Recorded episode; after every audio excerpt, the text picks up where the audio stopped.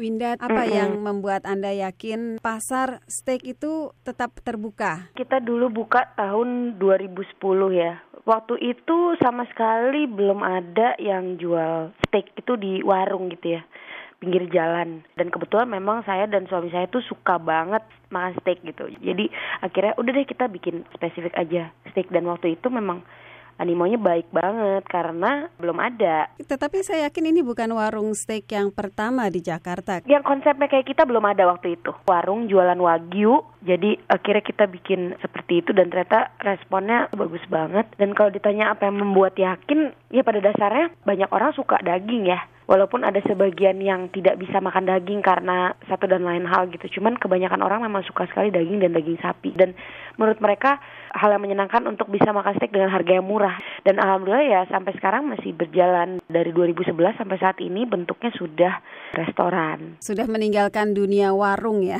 Jadi kita ingin memberikan pengalaman makan yang menyenangkan juga buat customer gitu. Makan steaknya affordable dan tempatnya juga nyaman. Anda begitu yakin ya bahwa steak ini akan laku dan memang ternyata animonya langsung baik ya, animonya bagus. baik. Sejak tahun 2010 sudah ada belasan restoran ah. dan disebutnya TKP. Sudah berapa jumlahnya? Sekitar 18 di hmm. Jakarta, Bandung, Surabaya dan Semarang. Berarti hampir 8 tahun ya? Iya, kita ulang tahun tanggal 15 Maret ulang tahun ke-8. Apa yang membuat Anda bisa bertahan lama dalam bisnis ini? Konsistensi dan kita harus terus inovasi. Sampai sekarang saya masih inovasi menu setiap beberapa bulan sekali, refreshment, renovasi restorannya juga, TKP-nya gitu supaya tempatnya tetap nyaman, nggak boleh stagnan gitu. Mungkin pernah gagal dalam usaha sebelumnya? Namanya bisnis pasti ada problem kalau nggak ada itu nggak mungkin gitu. Jadi setiap ada problem, mulai dari problem harian, dari yang kecil-kecil sampai yang besar-besar gitu ya, ya harus dihadapi, harus diselesaikan lah intinya. Kita harus cepat temukan solusinya supaya ya kita bisa tetap jualan, nggak boleh berhenti jualan lama-lama. Yang di Singapura boleh dibilang adalah salah satu kegagalan Anda. Ya betul. Sebenarnya kalau dibilang jualannya tidak baik, nggak juga, karena sebenarnya jualannya bagus. Tapi yang jadi problem adalah masalah regulasi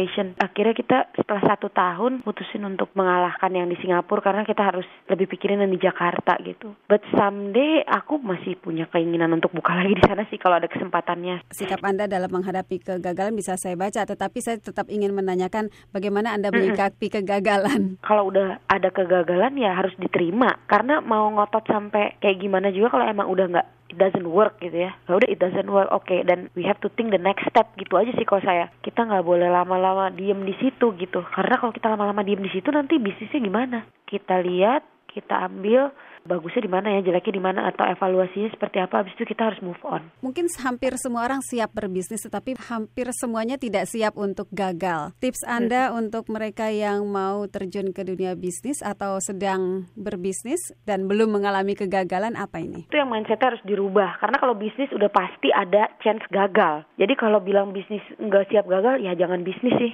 mentalnya harus disiapin dulu di depan. Rencana bisnis ya. Anda ke depannya apa ini? Rencananya banyak mengembangkan grup F&B ini supaya bisa sustain dan bertambah gitu ya. Membuat yang lebih baik untuk karyawan-karyawan kita juga gitu. Mesejahterakan karyawan kita karyawan saya udah banyak banget Mbak sekarang. Sudah berapa yang Anda rekrut? Almost 500. Wow, luar biasa banyak ya. oh, oh, dari keluarga gitu. akhirnya bisa menghidupi banyak keluarga ya iya amin semoga bisa terus ya Winda Mardio terima kasih sekali lagi atas kesediaannya berbagi Sama -sama, kisah bisnis dengan VOA Washington